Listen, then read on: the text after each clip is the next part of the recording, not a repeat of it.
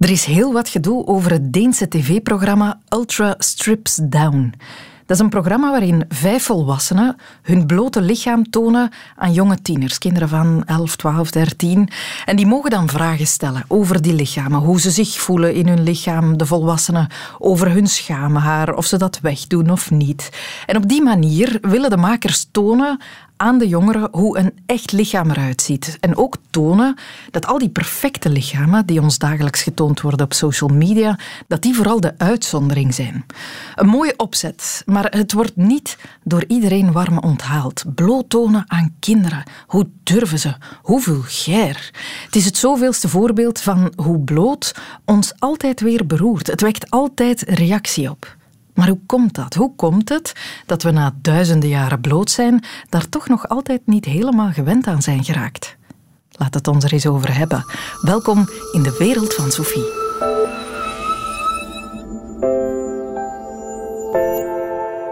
Nog een voorbeeld van hoe bloot beroert. Tijdje geleden, Portland. Grote protesten daar van de Black Lives Matter-beweging. Trump had er zijn speciale troepen naartoe gestuurd.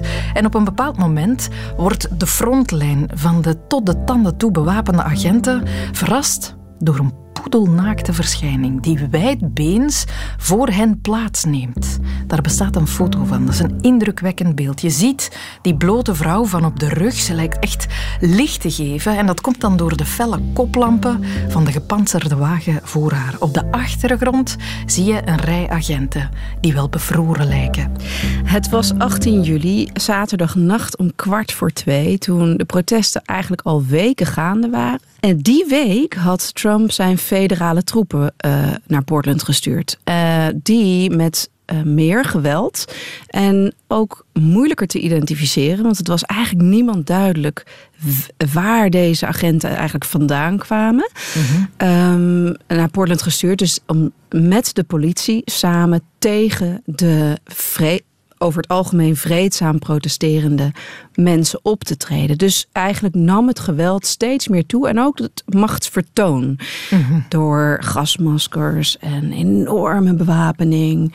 Dit is kunsthistoricus en journalist Wieteke van Zijl, die over dit beeld schreef in haar column voor de Volkskrant, waar ze de actualiteit linkt aan onze rijke kunstgeschiedenis. Inmiddels is er iets meer bekend. Toen ik over haar schreef was dat nog niet zo. Zij is een vrouw uit Portland die ook sekswerker is. Uh, dus en zij heeft, dit, uh, zij heeft al iets van toelichting gegeven op waarom ze dit wilde doen. Maar op dat moment en de eerste week was daar nog niets van duidelijk. En zagen we eigenlijk alleen maar een vrouw die uh, ongeveer een kwartier lang, wat vrij lang is, mm -hmm pal voor die tot de tanden toe geharnaste agenten uh, bewegingen maakte. Een beetje, een beetje dansbewegingen, een beetje yoga-bewegingen. Maar eigenlijk wilden ze daarmee een soort van autonomie en vrijheid laten zien uh, ten opzichte van die. Uh, ja, dat enorme machtsvertoon ja. van die agenten. Dus we wisten niet zo goed wat we daarmee aan moesten. En, maar die foto, dat ze gaat zitten op de grond. En mhm. dat ze haar benen spreidt, die foto's van de achterkant genomen. Dan zie je ook die agenten daarachter. Die is echt over de hele wereld verspreid. Dat maakte veel indruk. Een enorm sterk beeld. Waarom vond u het zo sprekend?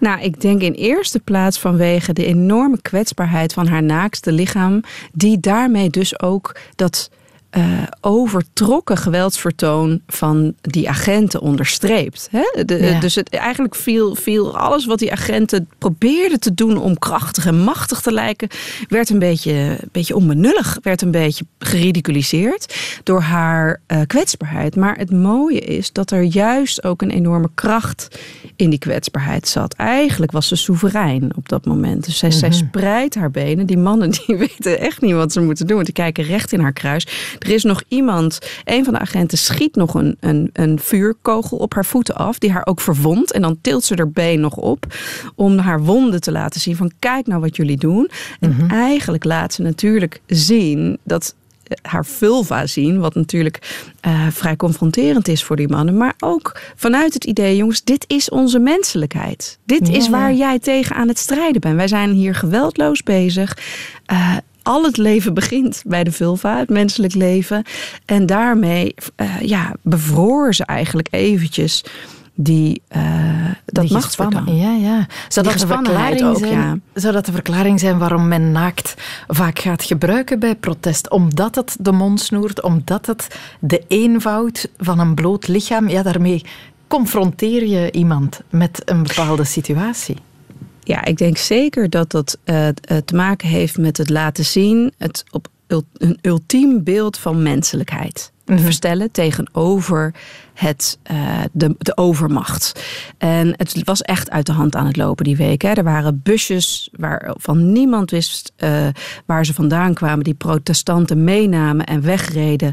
Uh, agenten identificeerden zich niet. Dus de angst nam enorm toe. De intimidatie nam ook enorm toe.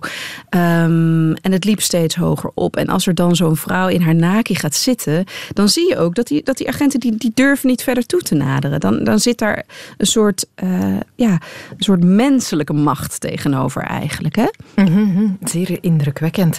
Uh, Ik dacht meteen aan L'Origine du Monde, het bekende schilderij van Courbet, uh, uiteraard.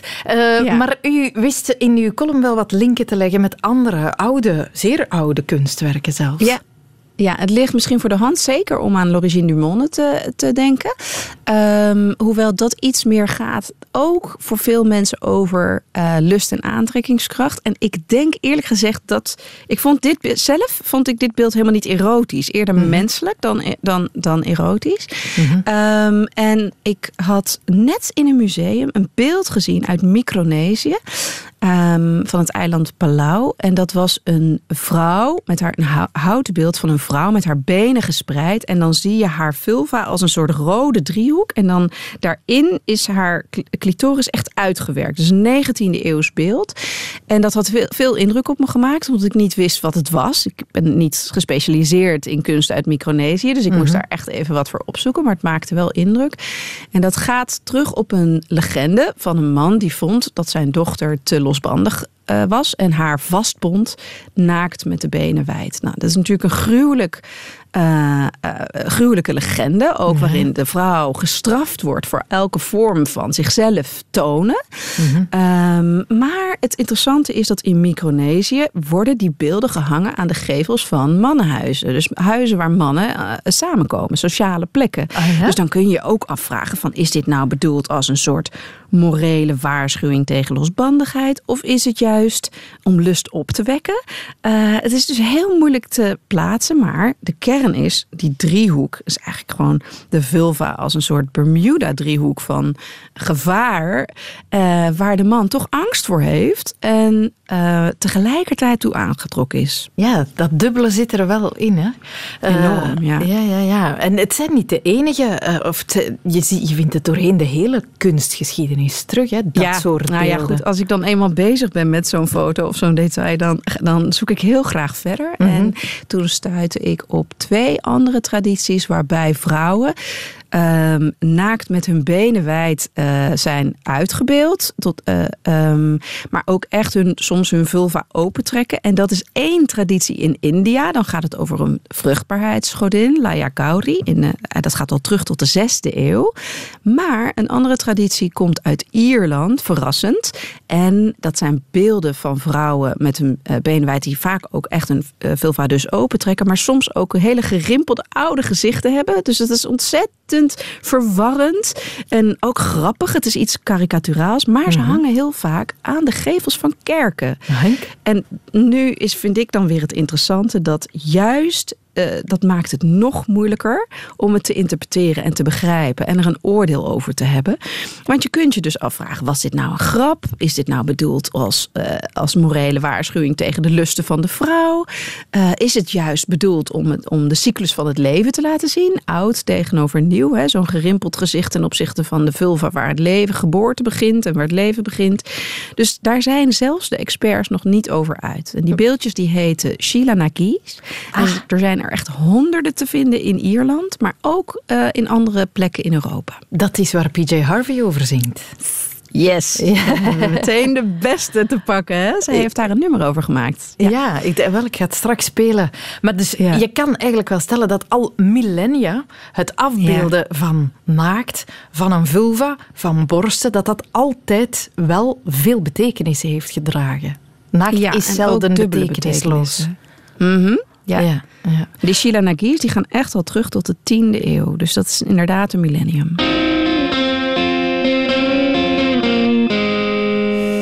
I've been trying to show you over and over. Look at these, my childbearing hips. Look at these, my ruby red, ruby lips. Look at these, my work strong arms. And you've got to see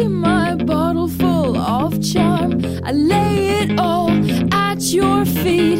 You turn around and say back to me. He.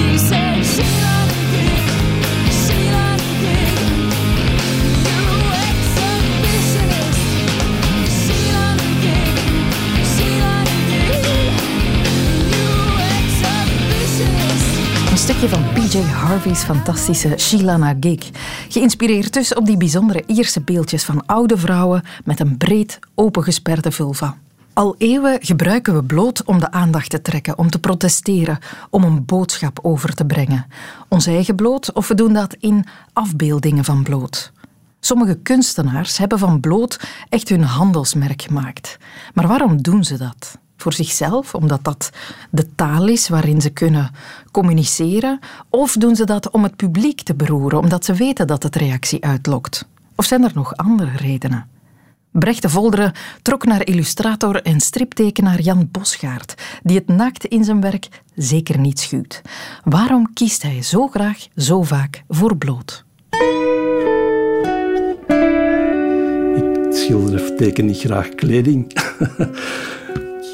ik schilder echt niet graag en ik teken niet graag kleding. Dat is altijd zo uh, de hel. Plus, zeker in schilderij, dat is altijd zo wel gedateerd. Hè. Als je ergens, uh, wat gaat het dan tekenen? Ik heb wel een tentoonstelling gehad met de dochters van, dat waren allemaal dochters van vrienden en kennissen en, en familie. En uh, ik heb die allemaal een zwart kleedje laten aandoen of, of iets zwart. Dan moest ik ook geen plooien tekenen. En dat was een heel schone reeks, zo 40 portretten heb ik zo geschilderd. Maar met kledij? Ja, ja die dochters van vrienden. Ik ga dan niet naakt schilderen. Ah ja, nee, nee, nee. Zit nu in de, de werkkamer, het atelier van uh, Jan Bosgaard. Um, de koning van de Vlaamse naakttekening, zoiets? Misschien heb ik die reputatie wel te denken aan, dat ik misschien 30 jaar voor P-magazine en Shea pin-ups heb getekend. Ik heb ooit eens uh, het verwijt gekregen van iemand, zeer lang geleden, dat ik uh, de lezer wil charmeren door, door naakt, mooie naakte vrouwen te tekenen. Maar ik, ik, ik kan niet anders. Ik, ik wil de, de schoonheid ontdekken in de dingen. En dat geldt ook voor dieren. Ik schilder ook dieren en ik teken ook, ook dieren en, en, ik probeer overal de schoonheid in te zien. En, en ik wil dat ook.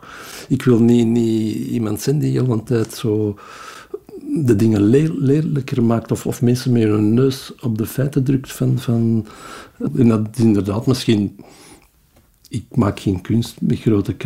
Ik bedoel, ik, ik, ik pretendeer dat niet. Ik, ik, voel mij ook geen kunstenaar, ik ben een tekenaar. En ik, ben iemand die, die beelden schept. Mensen denken ook altijd, ik heb ook zo vrienden van, ja, als er nog eens een model komt, mag ik dan nu te komen wassen of mag ik niet uh, het licht komen? Maar die mensen stellen dat zich helemaal anders voor. Als er een, een naakte madame voor u zit, dat is, dat is ineens heel confronterend. Dat is niet gelijk in een Playboy of gelijk in, in, in een of ander glossy tijdschrift.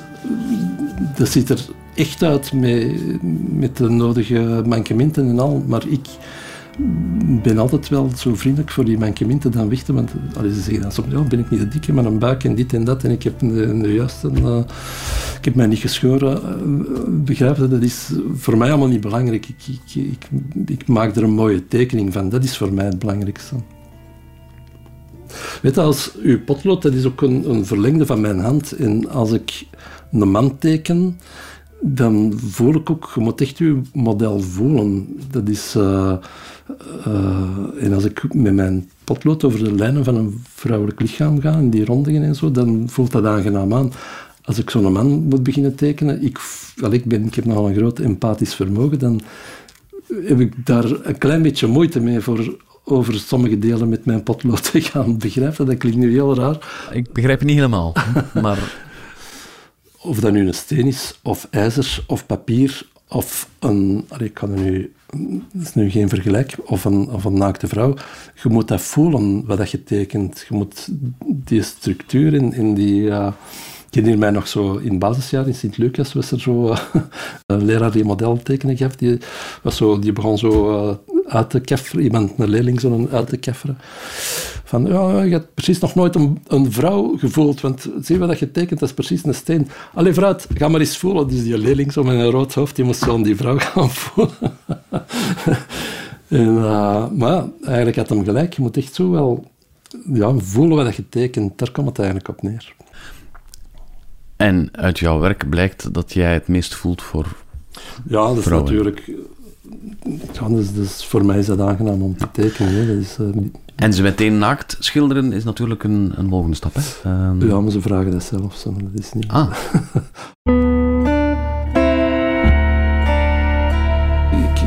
zit inderdaad de vrouw wel op een piedestalke. Dat is zo waarschijnlijk omdat ik uh, in een vrouwenwereld ben, ben grootgebracht met drie zussen. En ik, ben, uh, ik heb er altijd wel heel veel respect voor gehad. En, en ik krijg zelf van meisjes die, die, of vrouwen die, die voor mij willen passeren, omdat ik die echt wel met heel veel respect teken en met heel veel liefde. Bij die modeltekenavondjes is er ook een, ik ga zijn naam niet noemen, er is ook altijd zo wel uh, een tekenaar bij en achteraf zegt hij altijd, goh, ik krijg soms tranen in mijn ogen van de schoonheid die, die ik zie. En ik vond het eigenlijk altijd wel heel mooi. Dat is zo dat, je ja, toch ook ontroerd kunt geraken door, door zo dat vrouwenlichaam dat er voor je staat. En, uh, maar je merkt dat dat voor veel mensen toch ook wel ontzettend moeilijk is voor die schoonheid dan ook te vatten. Alleen voor mij ook nog altijd. Dat blijft ook nog altijd een uitdaging voor die schoonheid op papier te krijgen. Dat is, uh, dat is juist de uitdaging. Um, heb je het gevoel dat met dat naakte er toch nog altijd zo wat taboe heerst? Ik denk dat dat hoe langer meer wordt. Ik, uh, vroeger stond er eigenlijk ook niet bij stil dat dat naakt is. Maar ik heb wel het gevoel dat, er, dat, er, ja, dat het wel moeilijker wordt. Allee, ik stel me er zelf ook nu bij mijn laatste tentoonstelling ook wel meer vragen bij. Dat is zo heel raar, maar dat is erin geslopen. Dat zo de, de, nieuwe, de nieuwe preutsheid. En uh, misschien dat er mee ook uh, meer landschappen en meer drapages en minder, minder echt naakt bij zit. Um, ja, dat, dat is toch wel een verandering. En, en denk op alle gebieden. Het is... Het is uh, ja, maar misschien ligt het ook wel aan mezelf hoor. Dat ik, dat ik er ook zo de... dat, ik, dat ik voorzichtiger ben geworden en minder... Uh, ja, ik, ja, hoe moet ik dat nu formuleren? Uh, al die vragen over naaktheid, dat is... Al heel uw leven is dat waarschijnlijk, op de laatste twintig jaar toch van uw carrière. Sophie wil er twee uur over doorgaan, ik, we moeten dit door, Jan. Maar jij tekent uh, BV's naakt uit het hoofd. In de vernepelingetjes. Ja, ja, ja, ja, ja. Ja, ja. ja op basis... Allee, Urbain die stuurde foto's en op basis van die foto's fantaseer ik wel. Uit het blote hoofd, mag ik dat zo zeggen? Uh? Ja, maar dat is ook zoiets dat je leert, mij, want ik, ik leer dat ook in mijn modeltekencursus van leren door de kleren te zien. Ik kan u ook naakt tekenen als u wil. Ik, heb, weet perfect hoe dat u er uh, onder uw... Uh, ik heb, noemt hij X-ogen. Maar dat is ook door, door jaren ervaring van, van naakt te tekenen en van door lichamen te draperen met hun kleren, van andersom te werken. Dus als ik een paar foto's zie van, van Sophie, die, ik hoef die niet voor Monty te zien, maar ik kan me wel voorstellen dat... Maar Sophie, Sophie, ik zit voor u, Jan. Ik zit voor u, kijk. ik zal eens een beetje een tekeningsje maken. Van Sophie zeker. Ja. Dank u wel. En zo zeg, bestaat er dus een blote stripversie van mezelf, zonder dat ik het wist. Ik laat in het midden hoe treffend de gelijkenis al dan niet is. Tekenaar Jan Bosgaard hoorde u in een reportage van Brecht de Volderen.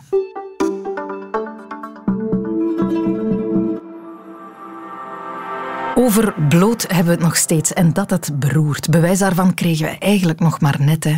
Met die naaktbeelden van de bekende mensen die zo hard circuleerden in het land. We zien bloot, we horen over bloot en onze aandacht is gewekt. We willen meer zien. Maar waarom eigenlijk? We lopen ondertussen al zoveel millennia hier rond. Vaak met, geregeld zonder kleren. We hebben allemaal zelf een blootje en we kennen dat van onze huisgenoten. Je zou denken dat ons oog niet meer opkijkt van wat bloot vlees. En toch.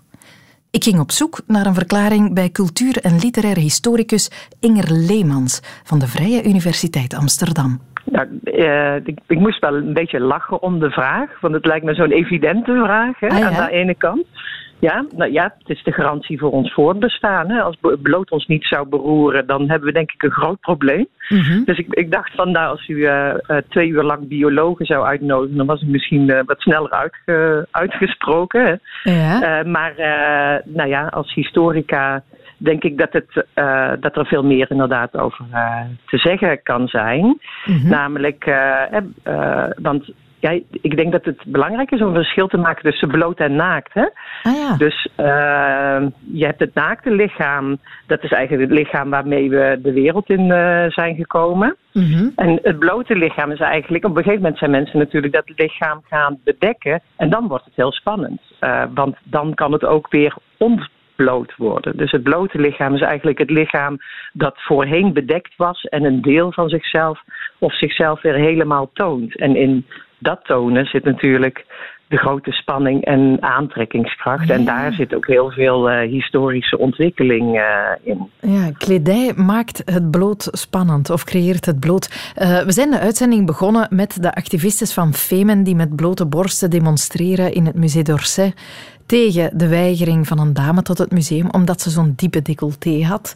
Je zou denken in 2020 gebeuren dit soort dingen toch niet meer. Kunnen we wel tegen een decolleté? Ja, ik vond het zo interessant. Uh, punt 1, omdat het mij terugdeed denken aan tijden waarin discussies waren dat vrouwen überhaupt niet in het museum mochten of niet in het parlement of in de mhm. universiteit, omdat zij zouden afleiden hè, over de essentie waar het daadwerkelijk over gaat, de, de hoge kunst, de belangrijke politiek en wetenschap. Uh, maar ik denk, ja, het is juist ook heel uh, het is juist ook, hè, sluit het aan bij meer recente trends dat uh, uh, we hebben de, onze lichamen zijn zo geseksualiseerd geraakt, zou je kunnen zeggen. Ja. Um, hè, dat het heel moeilijk is om een lichaam te zien zonder het inderdaad als een bloot lichaam te zien. Ah, dus het is daarmee eigenlijk meteen geseksualiseerd. Je zou kunnen zeggen, in de jaren zeventig kon je nog op een nudistenstrand rondlopen. En dat was dan puur voor de de recreatie. Terwijl ehm, als lichamen echt volledig geseksualiseerd uh, raken, dan doen ze meteen denken aan de, aan de procreatie. dus dan, dan leiden ze meteen terug naar allerlei veel spannende en, en wat meer verborgen domeinen van, van, van seks. Mhm. Dus, die, dus die, die, je, krijgt, je hebt op dit moment denk ik een hele grote spanning tussen aan de ene kant zeer geseksualiseerde lichamen. En aan de andere kant dus een tendens om, ja, om daarvan te schrikken en daaraan te onttrekken. Ik, kwam, ik was een paar jaar, jaar geleden, liep ik met een Amerikaanse collega uh, door een kerk heen. Ja. En uh, ja, die vond eigenlijk dat uh, die poetie die in de kerk hangen, weet u, hè, die, die engeltjes. ja. ja. Ja, die blote engeltjes. Ja, dat dat niet kon. Dat was voor haar kinderporno. Wow. Ontblote, ja, ontblote lichamen van ja, voor ons mollige engeltjes.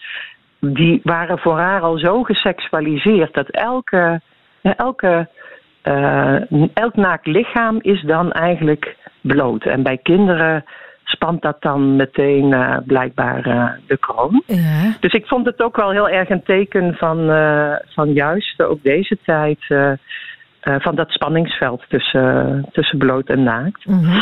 We leven nu in een zeer geseksualiseerde tijd, zegt u, maar dat was dan vroeger anders. Vroeger kon men, of verbond men naakt niet per definitie met een seksuele handeling of procreatie?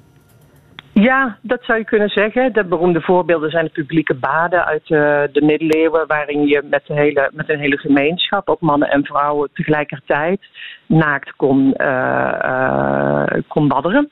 Mhm. Zonder dat daar aanstoot aan werd genomen of zonder dat dat per se tot een seksuele interpretatie hoefde uh, te leiden. En het is eigenlijk, je zou kunnen zeggen, vooral sinds de vroegmoderne tijd, dat, dat seks zo'n zo dominant onderwerp voor ons is geworden. Dat we overal seks eigenlijk zien en het aan vast hangen.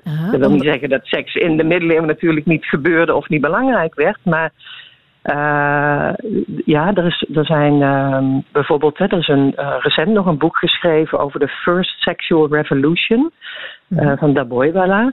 Over dat ja, in de 17e en 18e eeuw eigenlijk al een eerste seksuele revolutie hebben doorgemaakt. Waarbij mm, aan de ene kant bijvoorbeeld filosofen gaan zeggen van ja, de mens die wordt niet gedreven door bijvoorbeeld morele of door religieuze afwegingen, maar de seksuele drift, dat is toch echt wat ons bepaalt.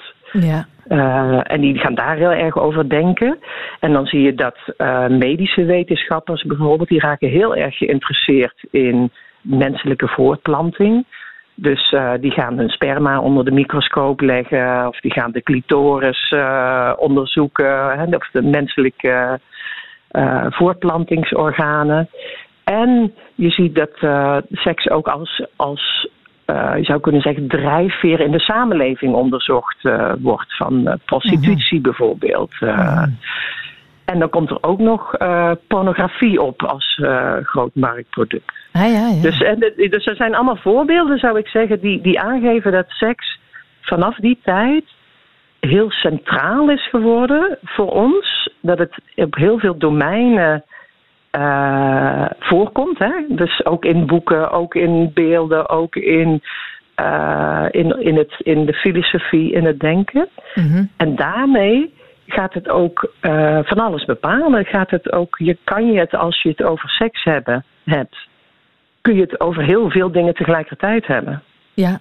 U, u, u, heeft twee uur lang een programma over uh, de vraag, uh, of bloot beroerd. Ja. Maar ondertussen onderzoekt u uh, de kunsten, esthetiek, ja. vrijheden, humor. Politiek, dus er komt van, alles aan, ja, ja, van alles aan bod via dat thema van de, van de seks. Mm -hmm, mm -hmm. We, we, zijn zo geseksualiseerd geraakt in deze tijd, uh, of ondertussen, dat we eigenlijk het, het pure naakt zijn dat zijn we wat vergeten. Dat dat, dat ook kan. Je kan gewoon ook naakt zijn zonder ja. dat er iets van seksualiteit in de nabijheid is. Ja, ja dat, dat is dan lastig aan het worden. In Nederland heb je ook veel discussies over de sauna's. Waar mensen niet meer uh, het bloot willen zitten. Ja, juist, uh, maar dus uh, zwempakdagen gaan de geklede sauna-ganger. De, ja, inderdaad, het verdwijnen van de nudistenstranden. Mm -hmm. uh, alhoewel, gisteren ging ik zwemmen. Dat had ik niet moeten doen, want nu zit ik verkouden thuis. Maar, uh, de, uh, en dan liep opeens tussen alle geklede ehm, badpakken en bikinis... liep een, een topless dame rond. Een meid, eigenlijk nog. Ja. En toen dacht ik wel, ja, dat, ik vond ik kon het wel goed verbinden met uh, ook het decolleté van uh, die student in uh, Dorset.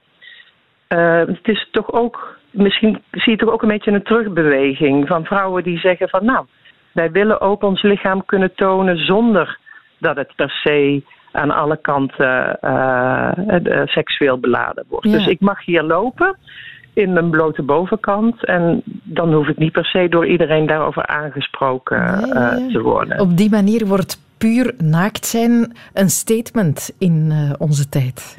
Ja. Ja, en dat is natuurlijk moeilijk, hè? Want uh, je ziet het ook aan de Twitter-discussies er rondomheen. Van ja, maar als je in zo'n decolleté de museum in gaat, dan weet je toch wat je krijgt. -hmm. Dus het is heel moeilijk om dan te kunnen zeggen nee. Dus mijn, mijn lichaam. En de, de, dat vind ik mooi. En dat wil ik ook uh, tonen. Maar dat hoeft niet per se uh, te botsen tegen zoiets als de hogere kunsten in het museum. Ja, het zijn vrij verwarrende tijden om nu jong in te zijn, lijkt me dat. Ja, ja, ik denk ook, uh, kijk, waar wij mee zitten is, uh, en mensen zeggen we hebben een verpreutste samenleving, maar dat is natuurlijk niet waar. We hebben ongelooflijk veel seks overal, uh, zichtbaar. Hè? Dus we zijn grote. Ja. ja, we zijn grote pornoverbruikers. Uh, grote percentages uh, van ons, zowel mannen als vrouwen, kijken veel uh, pornografie op het internet. Het is allemaal gratis, wordt het aangeboden. Nou ja, als een serie als Game of Thrones of zo is het volgens mij al moeilijk om een dialoog te zien waar niet op de achtergrond mensen seks hebben. Uh, dus dat is er allemaal en dat is heel aanwezig en heel dominant. En dat zijn ook vaak van die uh, het, uh, mooi geschaafde lichamen die altijd gewillig en bereid zijn. Mm-hmm. Dus voor, voor jongeren bijvoorbeeld is dat moeilijk om zich ten opzichte van te verhouden. Die, die zie je terugdeinzen eigenlijk en dan voor zichzelf een veel veiliger domein, een veel meer ja, wat wij dan preut zouden noemen. En ontseksualiseerd uh, domein proberen te, te maken. Ja, ja. Je kan er, ja, je, je kan er ook slecht tegenop, uh, denk ik dan. Ja, absoluut. Je, je, kan er niet echt van winnen. Wat heel veel luisteraars sturen, we hebben het al, ja, uh, inderdaad, zoals u zei, ondertussen een uur en 18 minuten over naakt. We keren heel snel terug naar vrouwelijk naakt. Het gaat altijd over ja. de vrouw in haar blootje en de man in zijn blootje is veel minder een onderwerp en ook veel minder een onderwerp van discussie. Dat, precies.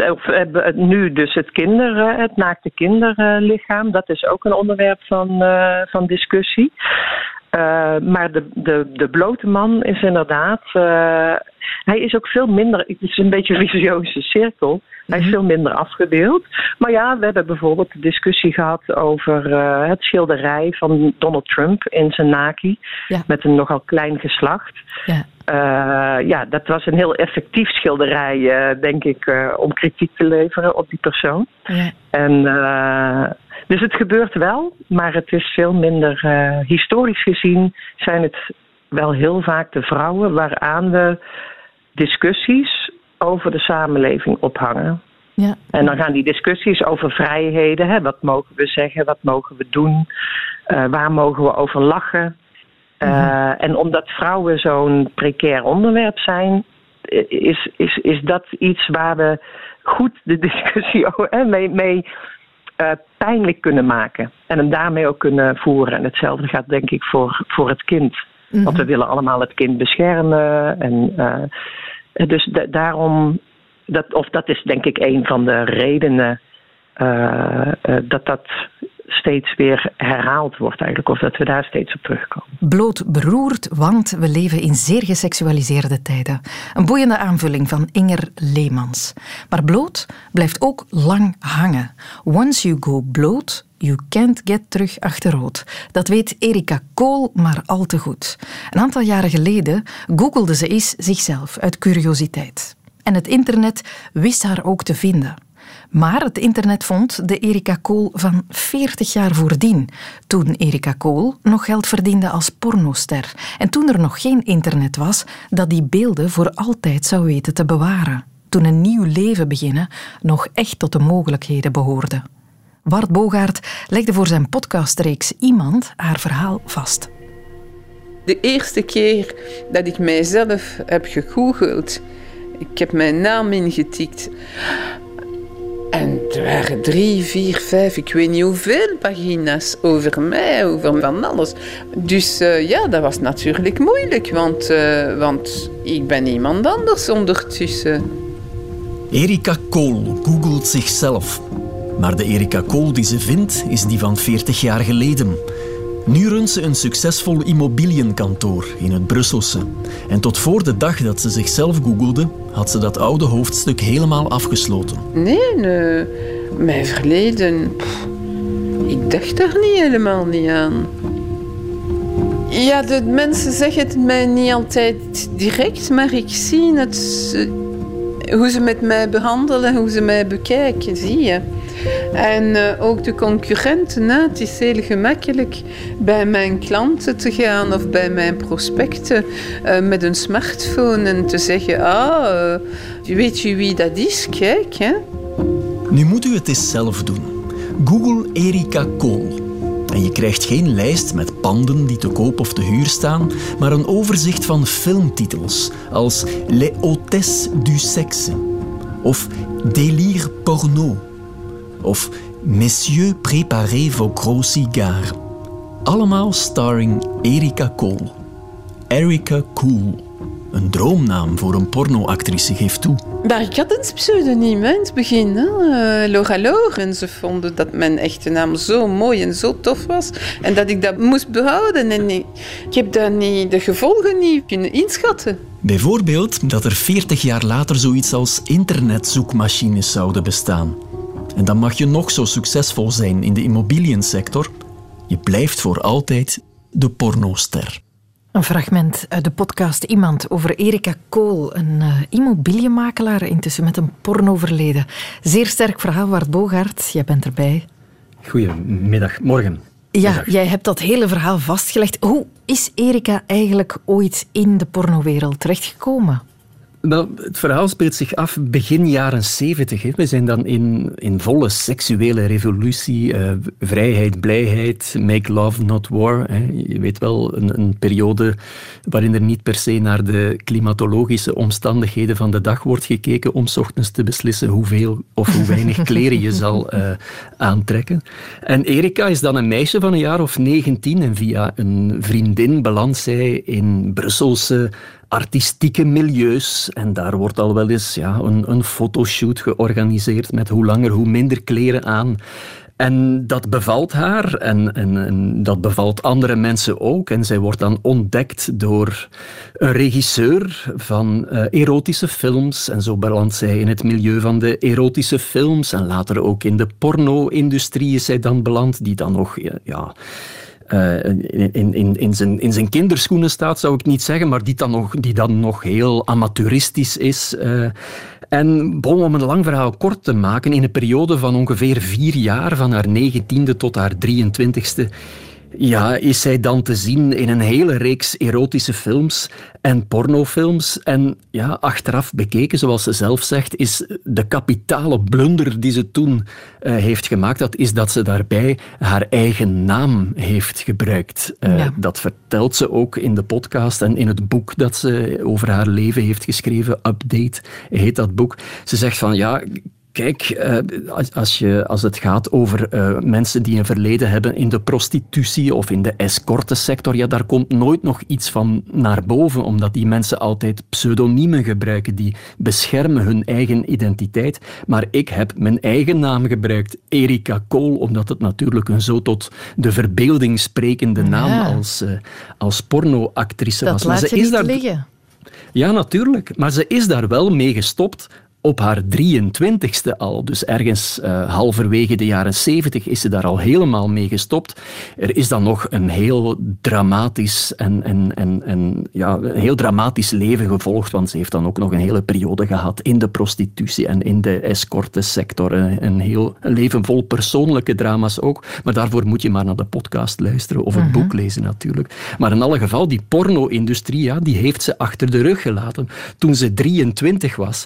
En op op dat moment werden die, die VHS-cassettes, ja, die werden onder de toog in obscure winkeltjes ergens verkocht. Niemand dacht dat dat ooit een lang leven zou beschoren blijken. Maar ja, kijk, toen het internet uh, opkwam, ja, dan zijn er blijkbaar mensen die die VHS-cassetten zijn beginnen digitaliseren en die zijn blijven verder leven of die hebben een tweede leven gekregen op het internet. Ik heb net een, half uurtje geleden het nog eens, haar naam nog eens gegoogeld en dan vind je heel veel artikels over haar boek en over de podcast, maar ook al heel snel weer een link naar Tous les chemins mènent een film uit 1974 waarin zij uh, heeft meegespeeld. En dat heeft gevolgen, niet alleen het feit dat dat op het internet staat. Maar dat heeft dus gevolgen tot op de dag van vandaag. Hè. Zij zegt dat je heel snel bij klanten kan zien wanneer ze het ontdekt hebben. Ma, ja. ja, dan zie je een soort ja, andere omgang, een soort ongemakkelijkheid. Mensen zeggen het niet uh, vlak af, maar je ziet meteen dat er iets veranderd is. Maar wat je dus ook ziet, je hoorde het daar, daar, even al, daar straks al heel even zeggen, ja, je ziet dat concurrenten bij haar prospecten langsgaan. Hè, zo van met een smartphone, kijk eens met wie u zaken uh, gaat doen. Ze vertelt zelfs een verhaal van een concurrent die met zijn auto traag voorbij haar kantoor reed en riep vanuit het openstaande venster dat ze, ik citeer, een ordinaire pijpster was. En daar schrijft ze dan over, uh, dat is eigenlijk wel heel sterk. Als ik je bij toeval vroeger heb laten dromen, bedank me dan. Maar uw beledigingen glijden over de schelp van mijn onverschilligheid. Schoon gezegd. De schelp van mijn onverschilligheid. Ja, en dat is dus ook net de boodschap van haar boek en ook van de podcast, dat we af moeten van die maatschappelijke hypocrisie die rond naaktheid en porno nog altijd eh, bestaan. We hoorden het Inger Leemans daarnet ook eh, zeggen, we zijn in een maatschappij waar, waar porno en bloot en naakt alomtegenwoordig zijn, maar toch ja, zijn we daar nog altijd een klein beetje ongemakkelijk bij. Daar moeten we van af, zegt Erika Kool. Ze noemt naaktheid een natuurlijke vorm van zijn die niet of nooit besmet of vuil is of mag zijn. Dus waarom dan in hemelsnaam die preutsheid? Dat is haar punt. Ja, je kan de hele podcast van uh, jou, hè, van Bart Bogaert, terugvinden op onze website radio1.be om dat hele verhaal van Erika Kool te horen. Het internet vergeet niet, dat is nog maar eens een bewijs daarvan. Dankjewel, Bart. Alsjeblieft.